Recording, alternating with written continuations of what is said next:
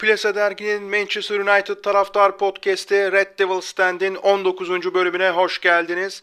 Dün akşam saat Türkiye saatiyle saat 10'da başlayan mücadelede Manchester United kendi sahasında Newcastle United'a 3-1 devirmeyi başardı.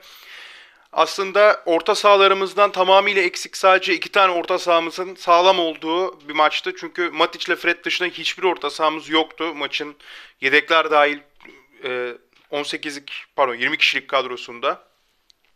Yani tekrardan kontrol ediyorum var mıydı diye. Yok orta sahadan oyuncu yok. Tamamen stoper, for, forvet de yok. Hatta kanatlardan oluşan bir yedek kulübesi vardı Manchester United'ın e, kulübesinde.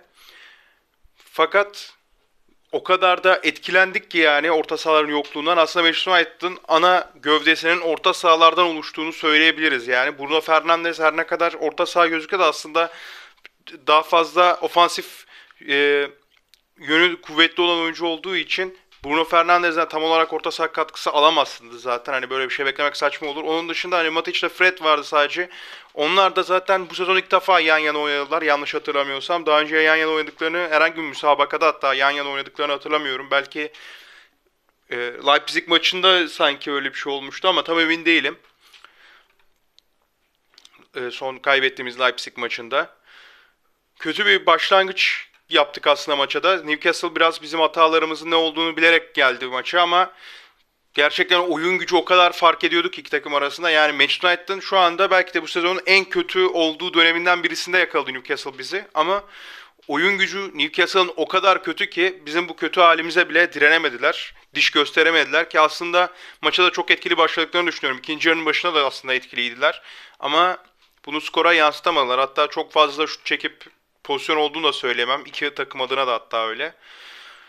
Sadece bizim şansımız Newcastle United'ın sağ bekinin orijini sağ bek olmamasıydı. Bizim avantajımız bu olduğu için bunu kullandık. Zaten gollerde de hep bu taraftan yani rakibin sağ tarafından geldiğini dikkat etmişsinizdir. Hemen 11'lerden başlayalım. Manchester United 4-2-3-1 formasyonuyla başladı. Her zamanki gibi klasik formasyonumuzda. Kalede David De Gea, defans Luke Shaw, Harry Maguire, Victor Lindelof ve Aaron Wan-Bissaka, orta saha ikilisi Matic ve Fred, kanatlar Marcus Rashford ve Daniel James, forvet arkası Bruno Fernandes, ileri uçta Anthony Martial ile başladık. Yedek kulübesi her zamankinden farklı olduğu için yedek kulübesini de okuyacağım bu sefer. Eric Bailly, Mason Greenwood, Dean Henderson, Mata, Shortire, Alex Telles, Amat Diallo, Toanzebe ve Brandon Williams vardı. Yedek kulübemiz de bu şekildeydi. Hemen Newcastle'ın 11'e bakalım. 4-3-1-2 formasyonuyla onlar da sahadaydı çift forvet şeklinde. Kalede Darlov, defans Lewis, Clark, Lascelles ve Kraft. Orta saha John Joe Shelby, Hayden ve John Willock. Forvet arkasında Almiron vardı. İleri uçta ise Sam Maximen ve Joelinton yan yana görev aldı Newcastle United'da. Onların da yedeklerine bakalım. Andy Carroll, Dummett, Dubravka, Fraser, Gale, Hendrick, Longstaff, Murphy ve Richie yer alıyordu Steve Bruce'un kadrosunda. Evet şimdi 11'lerde başlayacak olursak öncelikle şuna değinmek gerekiyor. Paul Pogba zaten sakat olduğu için yoktu ve ne kadar takımı geriye götürdüğü Pogba'nın yokluğu apaçık ortadaydı. Öncelikle bunu söylemekte fayda var. Pogba'nın yokluğu çok büyük ölçüde etkiliyor. Sadece bu maçta değil, bundan önceki maçlarda çok büyük etkiledi bizi. Onun dışında baktığımızda McTominay yoktu. McTominay neden yoktu onu pek anlayamadım. Sakatlandığını hatırlamıyorum ben Real Sociedad maçında ya da ondan önceki maçta herhangi bir sıkıntı yaşadığını hatırlamıyorum McTominay'in. Dinlendirmiş de olabilir ama yedeklerde daha iyi yoktu. Onun dışında baktığımızda Van de Beek de her zaman yedek kulübesinin muavimi olan bir oyuncu. Yedek kulübesinde Van de Beek'i göremedik. İlk defa belki de Van de Beek bu sezon yedek kulübesinde dahi yoktu. Onun sebebini de bilmiyoruz. Oynamayan bir oyuncu zaten sakatlanmış olamaz. Antrenmanlarda da sakatlandığını zannetmiyorum. Çünkü öyle bir haber hiç gelmedi. Yani neden yoktu Van de Beek onusunu bilemiyoruz. Ama Van de Beek'in yokluğunda Şola Short ayrı Amat Diallo ile beraber iki genç oyuncuyu yedek kulübesinde gördük. Hatta Şola Short ayrı bir dakikalığına birkaç dakikalığına olsa da forma şansı buldu. Diallo da hafta içi oynanan Real Sociedad maçında forma şansı bulmuştu. Bu maçta oyuna sürmedi Solskjaer onu. Brandon Williams da aynı zamanda her zaman gördüğümüz bir oyuncu değil yedek kulübesinde. Brandon Williams da yedek kulübesindeydi. Tabi bu bahsettiğimiz orta sahaların eksikliği sonucunda onlar da kendilerine şans buldular. Onun dışında 11'de Rashford'un sol tarafta oynaması Rashford için ve bizim için çok büyük bir avantaj. Çünkü Rashford biliyorsunuz zaten sağ taraftan sol tarafta oynamaya daha yatkın bir oyuncu. Daha meyilli o tarafta oynamaya ki daha etkili olduğunu zaten skora yaptığı katkılardan da görebiliyoruz. Marcus Rashford'un. Onun dışında e, Daniel James'i aslında ben dedim ki Mason Greenwood aslında iyi gidiyordu son zamanlarda. Neden Mason Greenwood başlamadı diye düşünüyordum. Yani Daniel James tercihi. Maçta önce Daniel James'in şu anda güzel form tuttuğunu söyledi. Real Sociedad maçında güzel oynadığını söyledi Solskjaer. O yüzden Daniel James tercih ettiğini anlattı. Hatta gole katkı olarak aslında şu ana kadar Mason Greenwood'dan daha fazla gole katkısı var Daniel James'in. Fakat yani Mason Greenwood kendi evladımız olmasından dolayı mı, kendi altyapımızdan çıkmış olmasından dolayı mı yoksa daha genç olmasından dolayı mı bilmiyorum ama Mason Greenwood oynatmak bana her zaman daha mantıklı geliyor tecrübe kazanması adına. Ama tabii Daniel James'in de hakikaten form tuttuğunu yani söyler söylemezsek haksızlık olur Daniel James'e. Onun dışında Anthony Martial halen daha devam ediyor formsuzluğuna. Maç boyunca zaten bir tane isabetli şutu var. Yani bizim bu santraforlardan yana şanssızlığımız bu sezon sürüyor. Yani ligin belki en fazla gol atan 2-3 takımından biriyizdir. Hiç kontrol etmedim bu arada onu da. Şöyle bakıyorum hatta en fazla gol atan takımıyız ligin evet. Yani Manchester City'den daha fazla gol atmış. Aramızda 10 puan fark var Manchester City ile. Ona rağmen Martial ve Cavani'den net bir katkı alamamış olmamız. Hatta 1-2 golleri var ikisinin toplamda.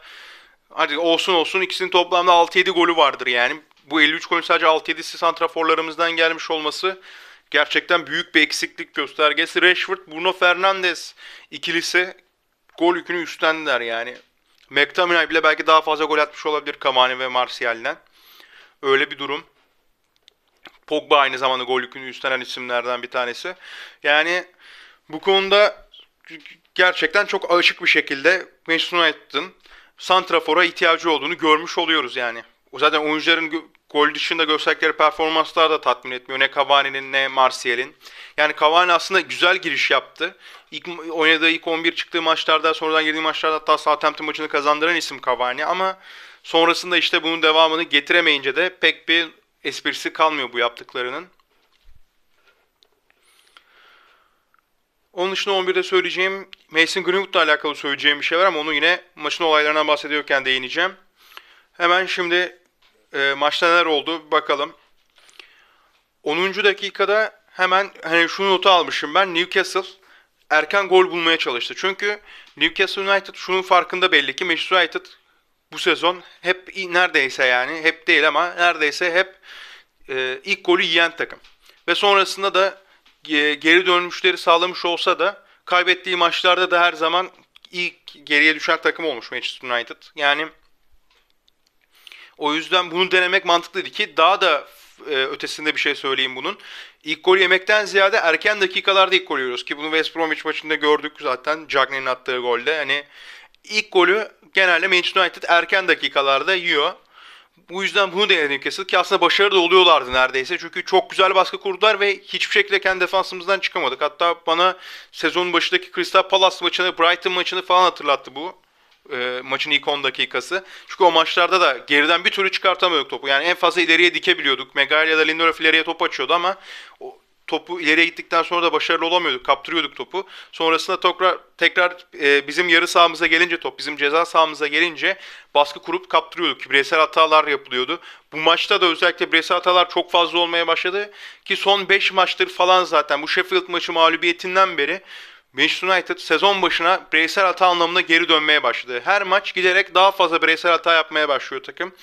Buradan da anlaşılan şu artık takım e, zihinsel olarak odağını kaybetmiş durumda. Yani bu 13 maçlık seride yakaladığımız odağı şu anda gösteremediğimiz apaçık ortada yani. Özellikle Harry Maguire üzerinde konuşmak istiyorum. Yani Luke Shaw bile çok büyük ölçüde topa. Yani sezon başındaki Luke Shaw'la şu anki Luke Shaw arasında resmen dağlar kadar fark var. Yani sezon başında Ömer Bayram diyordum ben bu adama. Hakikaten de öyleydi. Ömer Bayram performansı veriyordu Lukşov. Ama daha sonra yani her ne kadar tam anlamıyla istediğimiz performans olmasa da bir şekilde katkı vermeye başladı Lukşov. Hani kendi oyununu geliştirdi bir şekilde ve şu an halen daha o oyunu oynuyor. Özellikle Şubat ayı Lukşov'un bu sezonki belki de kariyerinin en iyi olduğu ay falan yani. Gerçekten Lukşov bu sezon bu ay özellikle çok farklı oynuyor. Hani Lukşov bile bu kadar kendini toparlayabilmişken bizim bir sürü para saçtığımız Harry Maguire'ın ve özellikle kaptanımız olması daha da itici kılıyor bu durumu. odağını kaybetmesi ve bunu takıma yansıtması, saha içine yansıtması gerçekten sinir bozucu ki e, hangi maçta hatırlamaya çalışıyorum şu anda. Leicester City maçıydı galiba. Yok Sheffield United maçıydı deplasmanda oynadığımız. Harry Maguire yani topu alıyor, rakip üstüne baskı yapıyor, topu hiçbir şekilde ayağından çıkarmıyor. Bekliyor ki rakip iyice ağzının içine girsin Maguire. Maguire'ın tam açılarının en dar olduğu anda topu ayağından çıkarmaya karar veriyor Maguire. Yani bu huyundan vazgeçmediği sürece bireysel hatalar yapmaya devam edecek zaten. O yüzden Maguire'ın bir an önce şu huyunu bırakması lazım. Diğer türlü çok göreceğiz ki David De Gea da yani hata yapması ihtimalini artırıyor. Yani De çünkü top ayağındayken iyi kullanabilen bir kaleci değil. Zaten bu senelerdir bildiğimiz bir şey. Hani yeni gördüğümüz, yeni keşfettiğimiz bir şey değil. Maguire'ın zaten bunu biliyor olması lazım o yüzden. Ama Maguire sürekli sıkışmayı bekliyor. Sıkışınca da topu De, çıkartıyor. De Gea da ne yapsın? Ya dikiyor ya da bir şekilde hani akıllıca bir pas atmak istiyor ama ayağı tekniği hiç olmayan bir oyuncu yani neredeyse hiç olmayan bir oyuncu olduğu için hata yapıyor. E şimdi ne kadar çok Deha'ya top gelirse hata yapma ihtimali de o kadar artar. Megairi buna sebep oluyor. Yani ben o yüzden Deha'nın yaptığı hatalarda Deha'ya suç bulmuyorum. Zaten bu konuda iyi olmayan bir oyuncuyu gidip suçlamak ona haksızlık olur. Yani ya bu konuda beğenmediğin bir oyuncu takımda görmek istemiyorsan almazsın ya da alıyorsan da ona göre oynarsın. Bizim ona göre Deha'ya göre oynamamız lazım. Ne yapacaksın? Çok fazla sıkışmadan, pas açıların daha fazla daralmadan topu ayağından çıkartacaksın. Belki akıllıca bir pas olmayacak ama en azından hata yapmamış olacaksın. Sağına soluna bir şekilde dağıtacaksın topu. Ama Megair dediğim gibi bekliyor, bekliyor, bekliyor. En daranda topu Deha'ya atıyor. Deha da hata yapıyor. Yani bu konuda gerçekten e, Megair takımı en fazla zarara uğratan oyuncu. Onun dışında Bailey konusunda değinmek istiyorum. Eric Bailey de hani taraftarlar özellikle maçtan önce hemen 11'ler belli olunca yazmışlar. Neden Bailey yedek? Bailey'nin daha 11 olması için ne yapması lazım vesaire. Tamam aslında çok mantıklı geliyor kulağa Eric Bailey'nin hani e, rakip hızlı olduğu için oynaması. Yani belki de çoğu kişi Bailey'i tercih eder hızlı bir oyuncu olduğu için. Fakat şöyle bir nokta var. Top bizim ayağımızdayken zaten çok sıkışıyoruz baskı yaptığı için rakip. İyi de top dağıtamıyoruz aslında kuvvetli ayaklarımız olmasına rağmen. Bailey'nin orada hata yapma ihtimali artıyor. Ama Lindelöf Bailey'e göre ayaklarının çok daha iyi kullanan bir oyuncu olduğu için Lindelöf'le oynamak bu sefer daha mantıklı geliyor. Ki Manchester United kontra ataktansa kendi, top kendi ayağındayken daha fazla gol yiyen bir takım. O yüzden Lindelöf'ü oynatmak da Eric Bailey'e göre daha mantıklı geliyor kulağa. Ben Solskjaer'in bu yüzden Lindelöf'ü tercih ettiğini düşünüyorum. Yani mantıksız bir seçim değil Lindelöf tercihi. Ama fakat eğer Lindelöf yani düşecekse, performansı düşürecekse eğer her geçen maçta Bailey'e şans vermekte yine tabii ki fayda var diye düşünüyorum. Onun dışında ilk dakikalar hakkında söylemem gereken bu ama 25. dakikada da ise Newcastle'ın baskısını biraz kırdık. Newcastle dediğim gibi oyun gücü olarak bizle arasında o kadar çok fark olduğu için direnemedi daha fazla. Yani 15 dakika falan hani 15-20 dakika sürdürebildi bu baskısını. Etkili baskısını en azından. Daha sonrasında biz bu baskıyı kırmayı başardık. Yani çünkü onlar da hem yoruldu hem biz de biraz e, kendimize geldik toparladık yani biraz daha odaklanmaya başladık ne oluyoruz falan oldu oyuncular. Ama şöyle bir sıkıntı vardı. Pogba'nın yokluğu, McTominay'in yokluğu, ondan sonra Bruno Fernandes her ne kadar her maç skora katkı etse de Bruno Fernandes'in de artık takımla beraber bir düşe geçmiş olması ki çok normal yani hiçbir insan bir sene aralıksız aynı performansla aynı çizgide devam edemez yani aynı ivmeyi sürdüremez normal bir şey Bruno Fernandes'in düşüşü yaşamasını eleştirmek için söylemiyorum. Yanlış anlaşılmasın. Ama sonuçta Bruno Fernandes'in de düşüşte olduğu bir süreçte hem Pogba'nın hem McTominay'in de olmaması burada e, organize atak yapmamızı, ondan sonra set oyunları kurmamızı engelledi bizim. Sadece bireysel performanslarla, hızımızla rakibi rahatsız etmeye çalıştık. Onda da başarılı olduğumuz söylenemez. Yani Rashford ve Daniel James üzerinden ataklar yapmaya çalıştık. Ki 30. dakikada aslında Rashford'un bu iş, e, bu olayı, bu yeteneği işe yaradı. Rashford da uzun süredir bu şekilde bir gol atamıyordu. Yani ya karambolü düşüyordu gol atıyordu falan ya da Southampton maçında attığı gol falan biraz şeydi. E, zaten Rashford'un yapabileceği şeyler çok basit şeylerdi. Biraz onun yeteneğinin ön plana çıktığı bir gol atması lazımdı özgüvenin yerine gelmesi için tekrardan. Ki bu maç onu yapması Rashford adına çok iyi oldu. Yani Harry Maguire'ın aklını verelim golde topu çok güzel taşıdı getirdi ve Hata yapmadan Rashford'a çıkardı topu. Normalde her stoperin yapabileceği bir iş değil bu. Rashford da topu bizim solumuzdan taç çizgisinin oradan çok güzel içeriye doğru çalımladı. Tabii Kraft'ta attı aslında attığı o çalımlar yani çok zor değil. Çünkü Kraft zaten hem back orijinli bir oyuncu değil hem de Rashford'a göre çok daha ağır bir oyuncu Kraft. Rahat geldi Rashford çalımlarla. Sonrasında çok güzel çekti ama çok dar açıdan hem de kalecinin kapattığı köşeye çok sert bir şutla golü bulmayı başardı Marcus Rashford. Yani bu golde de hemen 1-0 öne geçmiş olduk. Ama daha sonrasında Newcastle golü yiyince bir kendine geldi. Ayıldı tekrardan maçın başındaki baskısını sürdürdü ki 35. dakikada zaten çok aralık yoktu iki gol arasında. Sam Maximen çok güzel bir şut çekti. David De Gea da aynı güzellikle çıkardı. Gerçekten David De Gea bu arada hani bu maçta belki de sezonun en iyi maçlarından birisini oynadı kendisi adına. Çünkü harbiden çok kritik kurtarışlar yaptı. Yani bir Leeds United maçını hatırlıyorum böyle çok takım ipten aldığı kurtarış yaptı. Bir de bir maç daha vardı. Liverpool maçı vardı mesela. Arsenal maçları falan da fena değildi. Fena oynamadı yine.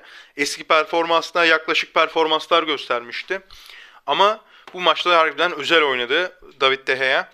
Çok güzel toplar çıkardı bu bahsettiğim Sen Maximen şutunda olduğu gibi ama sonrasında köşe vuruşunda yine Sen Maximen benzer noktadan, benzer sertlikte, benzer noktaya bir şut çekti ve De Gea bu sefer yedi ki burada De Gea'nın herhangi bir suçu olduğunu, herhangi bir hatası olduğunu kesinlikle düşünmüyorum. Çünkü Sen Maximen bomboş kalmış durumdaydı. Yani ne Fred tutuyor ne Matic yani kimse hiçbir oyuncu tutmuyordu. Tamamen bomboş kendisini unutturmuş vaziyette ki unutmaları o kadar saçma ki daha 30 saniye önce 20 saniye önce zaten sen Maximen'in şutu yüzünden korner kullanıyor rakibin. Yani sen Maximen'i nasıl tutmazsın? Burada böyle bir saçmalık var bir kere. Hani hadi oyuncular böyle bir hata yaptı. Soskayar ya da kenardaki teknik ekipten kimse mi görüp demedi sen Maximen'i tutun diye. Yani burada böyle bir saçmalık oluştu ki bu sezon zaten United yediği gollerin belki yarısını duran toptan yemiştir. Hemen bakalım kaç gol yemişiz. 32 gol yemişiz. Bunun muhtemelen 10'unu 15'ini falan yani neredeyse yarısını duran toptan yedik muhtemelen. Free kick ve korner dahil söylüyorum.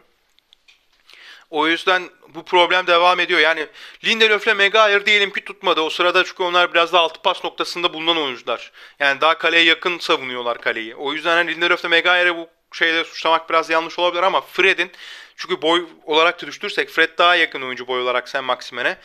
Fred'in orada sen Maxime'yi tutması daha doğru olurdu. En azından açısını kapatsa bir şekilde daha doğru olurdu ama Fred hiç pozisyonla alakası yok zaten.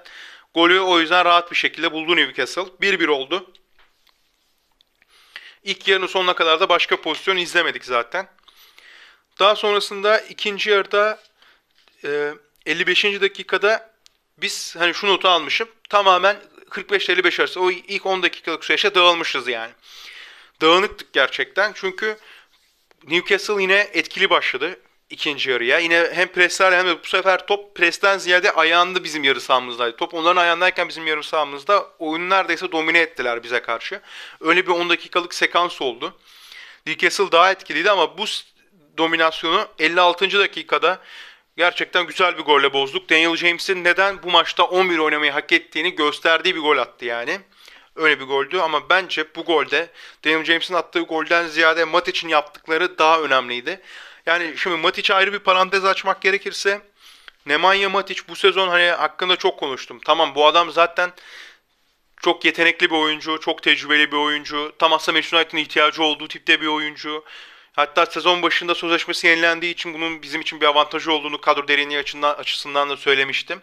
Fakat Nemanja Matic artık o kadar yaşlandı ki fiziksel olarak. Hani o eski oyuna hakimiyetini gösteremiyor yani. Topa o dominasyonu sağlayamıyor. Bu oyun hakim benim. Bu takımda top bizdeyse o top benim ayağımda olacak dominasyonu sağlayamıyor diye çok bahsetmiştik.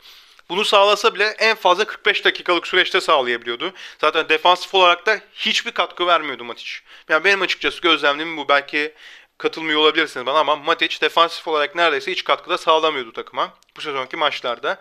Ama bu maç yani defansif olarak fazla sırıtmayan yani yine tam olması gerektiği gibi değil ama yine fazla sırıtmayan bir performans vardı Matic'te defansif olarak. İleri uçtaysa yani atak konusundaysa diğer maçlara göre bu maçta biraz daha farklı oynadı. Biraz daha bilinçli ve muhtemelen şunun sorumluluğu vardı Matic'te. Yani Bruno Fernandes dışında onunla beraber oyun yükünü üstlenecek kimse yoktu. Yani Matic burada da yani Rashford var tabii ki yani oyun yükünü üstlenebilecek bir isim ama Rashford oyunu kuran değil. Yani oyun kurulmasında organizasyondaki en son parça. Gole gidecek parça. O yüzden Rashford'u saymıyorum. Matic ve Bruno Fernandes burada oyunu kuracak isimler ve bunun sorumluluğu vardı Matic'te. Çünkü diğer türlü Pogba ile oynadığında hem Pogba hem Bruno Fernandes vardı. Üçüncü adam konumuna düşüyordu Nemanja Matic. O yüzden aynı odakla çıkamıyordu bu maçta olduğu gibi ama bu maçta harbiden bir sorumlulukla çıktı ve tecrübesini de çok güzel yansıttı. Bu bulduğumuz ikinci golde de zaten Nemanja Matic'in tecrübesiyle biz golü bulduk yani. Orada belki asist Bruno Fernandes'e yazıldı ama gerçekten hem golden hem de asistten daha fazla katkısı var bu gole Nemanja Matic'in. Çünkü orada aslında dar alanda sıkıştı rakipleri tarafından ama bir anda tam zıt noktaya dönerek çok güzel çıkardı içeriye doğru. Orada Bruno Fernandes'e çıkardı aslında ama Bruno Fernandes belki de kaleye doğru vurmak istedi orada. Yani belki de Daniel James'e pas olsun diye dokunmak istemedi topu ama Bruno Fernandes dokundu Daniel James'in önüne gitti ki Daniel James yani pozisyon tekrarında da gördüğünüz gibi kimse tutmuyordu onu. Bomboştu. Çok rahat kontrol etti. Çok güzel vurdu. Orada acele edip kontrol yani acele etmeyip kontrol etmesi de Daniel James'in golü bulmasını kolaylaştırdı. Çünkü acele edip orada vursa dağlara taşlara da vururdu ya da kalecinin üstüne nişanlayabilirdi.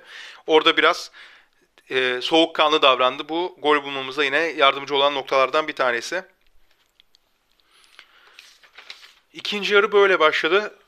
Daha sonrasında yani biz golü bulduktan sonra şöyle söyleyeyim. Top tamamen bizde kaldı. Yani ikinci golü bulduk artık Newcastle daha fazla oyun gücünün yetmeyeceğini fark etmeye başladı. Ve bir yandan da yorgunluk başlıyor tabii ki iki takımda da. Çünkü yani bu sezon izlediğiniz her maçta mutlaka 65. dakikadan sonra olsun, 70. dakikadan olsun takımlar bir yorulmaya başladığını hissettiriyor. Yani oyunun temposu yarı yarıya düşüyor en az.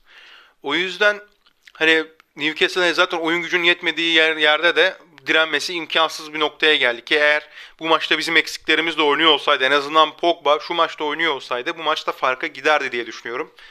He, özellikle Pogba McTominay ikilisinin birden oyunda olduğunu düşünürsek bu maç kesinlikle farka giderdi. Çünkü Newcastle gerçekten direnemedi bize karşı.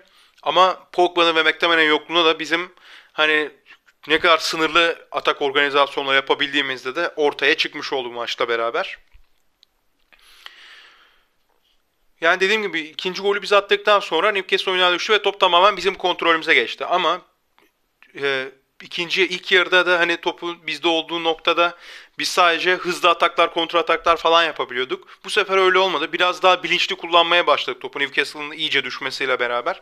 Hani tam olarak organizasyonlar yapamasak da, organize ataklar yapamasak da biraz daha topu aldık. Sakin sakin ileride bekledik. Oyunu kurmaya çalıştık. Hani bir şeyler yapmaya çalıştık ki Bruno Fernandes'in ikinci yarıdaki performansı da ilk yarıdaki performansından belirgin bir şekilde daha iyiydi zaten. Bunun da katkısı vardı organize ataklar yapmamızda. Tabii Matic'in de aynı şekilde. Matic de gerçekten ikinci yarıda iyi oynadı diyebiliriz. 70. dakikada ise Mason Greenwood oyuna girdi. Martial oyundan çıktı. Heh. Şimdi burada kadroları değerlendirirken de demiştim Greenwood hakkında özellikle konuşmak istiyorum ama olayları konuşurken konuşacağım demiştim. Şimdi zamanı geldi. Greenwood'a şöyle bir parantez açıyorum. Greenwood'u ben hep bugüne kadar dinlediyseniz eğer bölümlerde demiştim zaten. Hani bir santrafor olarak görsek aslında Greenwood'dan daha fazla faydalanabiliriz. Daha iyi performans alabiliriz çünkü bu oyuncu aslında özünde santrafor orijinli ki oynama stili bakımından da değerlendirirseniz santrafora daha yatkın olduğunu da görürsünüz.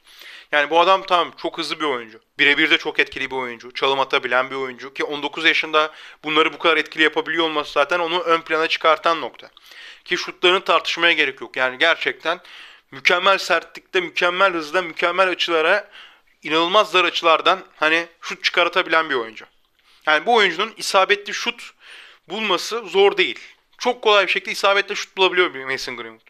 E peki böyle bir oyuncuyu kanatta değerlendirmektense Santrafor'u değerlendirmek daha mantıklı olur. E, bunu da zaten o yüzden belirtiyordum ben aslında böyle denenmesi lazım diye. Bu maçta denedi Solskjaer. Aslında çok da uygun bir maçta denenmesi için. Mason Greenwood bence Martial'e göre bu 15 dakikalık e, performansı yani 20 dakikalık performansı Martial'in geri kalan oynadığı süredeki performansından daha etkiliydi diye düşünüyorum. Çünkü Mason Greenwood Martial gibi hantal bir oyuncu değil. Topu geriye gelip alıp ileriye doğru sürüklüyor. Topsuz alandayken de çok koşuyor. Top ondayken de çok koşuyor ve mantıklı davranıyor. Yani tercihlerini hep mantıklı yapıyor Mason Greenwood. Şut çekecekken de mantıklı şutları çekiyor. Pas verecekken de mantıklı pasları veriyor. Hani 19 yaşında bu bilinçli olması bir oyuncunun gerçekten büyük avantaj. Martial çünkü bunu yapamıyor. Martial genelde topu alır ayağına. Top zaten ayağına gelmediği sürece de koşmaz. Hantal olmasının sebebi de bu zaten.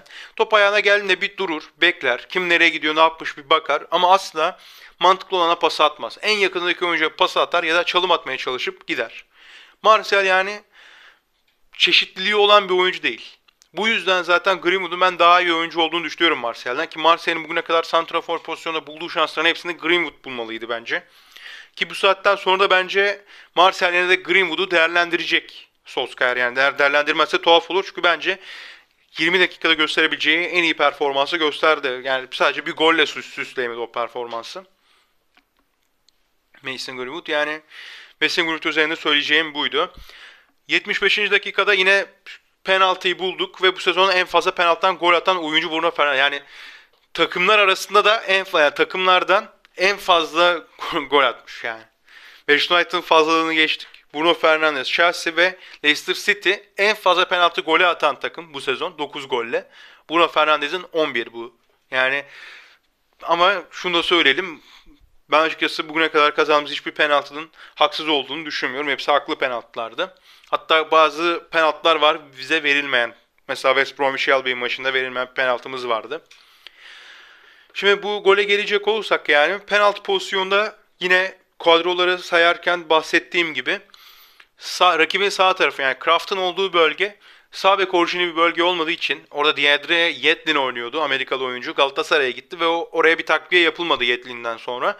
O noktada bir zaafı olduğu için Newcastle United orayı çok iyi değerlendirdik. Matic de asist yaparken yani asistan asistini yaparken o bölgeden topu içeri çevirdi. Rashford maçın ilk golünü atarken o bölgeden Kraft'ı deşe deşe geldi golü attı.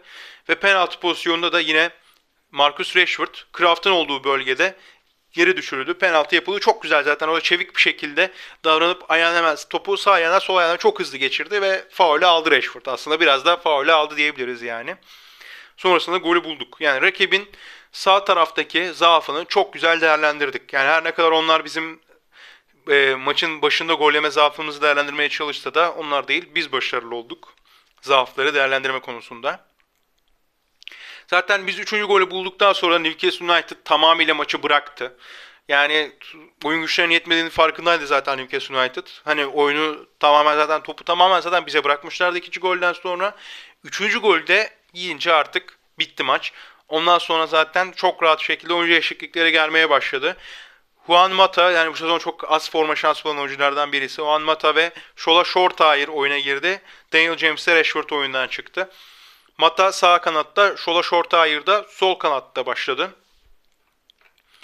Yani Shortire için şunu söyleyeyim. Ben Shortire'ın açıkçası hiç takip etmemiştim.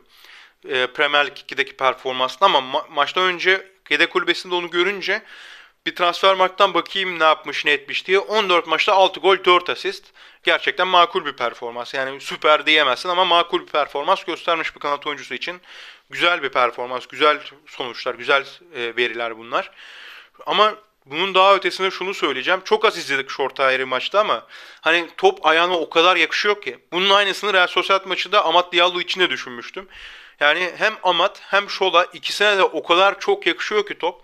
Yani güven veriyor. Bunun aynısını Mason Greenwood ilk Manchester United'da oynadığında hatta geçen sezon pandemi sebebiyle sonradan lig devam ettiğindeki performansı Greenwood'un aynı hissiyatı yaşatmıştı. Çoğu Manchester United'da hatta Manchester United taraftarında aynı hissiyatı yaşatmıştı bu. Hani o güven verişi, topa hakim oluşu Şola'nın 17 yaşında daha hani 2004'lü 17 yaşında bu kadar güven vermesi gerçekten bu çocuğun yetenekli olduğunu, ileride bir yerlere gelebileceğini gösterir. Ha ne kadar bir şey yapabilir, kapasitesinin sınırı ne bunu bilemiyorum. Tabii ki zaten daha birkaç dakika izledik ama birkaç dakikada şunu gösterdi ki güven veren bir oyuncu ve mutlaka ileride bu sezon olmasa bile gelecek sezonlarda United'da forma şansı bulacak. Bu belli. Ama Diallo için de şunu söyleyeyim. Ben Diallo'nun aslında Mata'nın yerine oyuna girmesini beklemiştim ama Diallo'yu sosyal maçında 11'de görebiliriz diye düşünüyorum. Çünkü sosyal maçında da çok büyük avantaj aldık deplasmanda. 4-0'lık bir galibiyet almıştık. Yani Diallo'yu o maçta göreceğiz muhtemelen. Şola'yı da o maçta muhtemelen hiç görmeyeceğiz. Hani yedek kulübesi de dahi olmayacak. Şolay daha çok Premier Lig, Diallo da daha çok UEFA Avrupa Ligi tercih edilecek bir oyuncu gibi duruyor. Solskjaer öyle planlamış gibi geldi bana. Mata da hani bu sezon aslında çok güzel oynadığı bir maç vardı Old Trafford'da. Hangi maçtı şu an tam hatırlayamıyorum ama çok güzel bir asist yapmıştık. Orta sahadan Rashford'un koşu yoluna ya Rashford'un ya Martial'in ikisinden birisini koşu yoluna çok güzel pas atmıştı ve gol attırmıştı. Muhtemelen Rashford'tu. O yüzden Mata bu sezon aslında biraz daha fazla forma şansı bulur diye düşünüyordum ben ama öyle bir şey de olmadı. Maçtaki olaylarda söyleyeceğim bunlar. Hemen Opta'nın verilerine, istatistiklerine bakalım. Bu maç üzerinde ne istatistikler çıkmış. Manchester United 25 maçta 53 gol atmış bu sezon. 2012-2013 sezonundan beri 25 maçta en çok gol attığımız sezon olmuş bu. Ki şu anda zaten ligin en fazla gol atan takımıyız. Tekrardan bir kontrol edeyim. Yanlış olmasın evet. Yani en yakın e, takipçimiz Manchester City 50 golde. Biz 3 gol daha fazla atmış durumdayız. Yani bu 53 gol aslında Southampton maçının çok büyük etkisi var. Leeds maçının çok büyük etkisi var. Hani 2-3 maçla biraz da artmış bir skor bu ee, aslında ama şunu da söyleyelim. Yani Manchester United bu 53 gol atıp şu anda ikinci sırada olması gerçekten e, her ne kadar birinci sıradaki takıma City'ye karşı 10 puan geride olsak da özel bir durum. Yani önceki sezonlardan daha farklı bir oyun gösterdiğimiz aslında o halen daha ortada. Oyuncuların daha farklı oynadığı ortada. Ki aslında Tottenham maçında bizim yediğimiz 6 golü çıkartırsak aslında ligin en az gol yiyen takımlarından birisiyiz. Yani o 6 golü çıkardığımızda 26 gol oluyor. 26 golle ligin en az gol yiyen 3. takımı konumuna gelmiş oluruz. Birinci sırada Chelsea 15 gol yemiş. İkinci sırada City 25. Bizde 26 gol oluyor. Yani aslında yediğimiz gol sayısı da Tottenham maçını çıkartınca o kadar çok değil. Defansımızın kötü olmasına rağmen, Deha'nın formsuz olmasına rağmen. Hani takımca bir oyun oynamadığımızı gösteriyoruz. Bu 13 maçlık seri zaten bunun en büyük kanıtıydı. Umarız Pogba bir an önce döner. McTominay döner. Hatta Van de Beek'ten de bir şekilde artık sezonun geri kalanında yararlanabilirsek belki e, bunun meyvesini almaya devam edebiliriz. Bir diğer istatistik Bruno Fernandes Avrupa'nın en büyük 5 liginde en yüksek katkı oranıyla double double yapan oyuncu. Yani double double verisi en yüksek olan oyuncu Bruno Fernandes Avrupa'nın en büyük 5 liginde. İlk yarıda e, öncelikle ilk yarıda diyorum. İlk yaptı ikinci golde yaptığı asiste eşitlemişti Kane'le. İkisinin de 25'ti. Sonrasında gol attı penaltıdan ve önüne geçti. Pardon 24 ikisine 25 yaptı Bruno Fernandes. 15 gol 10 asistle şu anda Avrupa'da 5 ligli arasında en fazla double double katkısı yapan oyuncu konumunda Bruno Fernandes. Harry Kane 13 gol, 11 asist. ikinci sırada, üçüncü sırada Thomas Müller var. 10 gol, 10 asistle. Şu anda bu şekilde devam ediyor ki muhtemelen hani sezon sonunda birinci olmasa bile ilk üçte olacak kesin Bruno Fernandes'in bir sakatlık vesaire olmadığı sürece istikrarlı bir şekilde çünkü devam ediyor. Formu düştüğü halde bile Bruno Fernandes. Bir diğer istatistik Daniel James bu sezon 13 maçta 5 gol atarak geçen sezon 46 maçta yaptığından fazlasını yaptı. Yani geçen sezon 46 maçta attığı golden daha fazla gol atmış 13 maçta. Daniel James'in de bu sezon takımla beraber büyük yükselişe geçtiği belli. Hani neden forma şansı aldığında ortada yok yere forma şansı almıyor bu oyuncu. Onun dışında Rashford geçen sezonun başından beri tüm müsabakalarda 40 gol atmış. Birinci sırada hani geçen sezonun başından beri en fazla gol atan oyuncu Premier Lig'de. Bütün müsabakalarda tabii ki. Muhammed Salah 47 golde. İkinci sırada Kane 45, Sterling 44, Rashford da 40. Yani her ne kadar Bruno Fernandes şu an bu takımın önemli oyuncusu olsa da Marcus Rashford da hani neredeyse Bruno Fernandes kadar hani önemli bir oyuncu olduğunu gösteriyor. Belki şu an biraz abarttım gibi geldi bana ama gol anlamında gerçekten Bruno Fernandes kadar önemli bir oyuncu Marcus Rashford. Bir ara bu 5 maçlık seride e, sadece Southampton'ın yendiğimiz bu 5 maçlık seride biraz o da form düşüklüğü yaşıyormuş gibi oldu ama bu maçta gerçekten güzel toparladığını düşünüyorum Marcus Rashford'un. Bu saatten sonra da ona zaten Bruno Fernandes'le beraber en çok ihtiyacımız olan oyuncu. O yüzden formunun yükselmesi, de, yükselmeye devam etmesi lazım. Bakalım ne kadar devam ettirecek bunu Marcus Rashford göreceğiz. Evet istatistikler de böyleydi. Hemen fikstüre bakalım. Hafta içi Real Sociedad'da maç oynayacağız zaten. Onun dışında baktığımızda hemen e, Chelsea ile maçımız var 28 Şubat'ta. Deplasmana Stamford Bridge'e gideceğiz. Saat 7.30'da oynanacak Türkiye saatiyle. Ve Chelsea Manchester United maçından hemen sonra kayda gireceğiz. Ve bu kayıtta benimle beraber ilk defa bir konuk olacak. Nazlıcan Elestekin bana eşlik edecek. Chelsea Manchester United maçından sonraki kayıtta. Muhtemelen de haftaya bugün yani 29 üzerine 1 Mart'ta 29 mu çekiyordu hemen bakayım.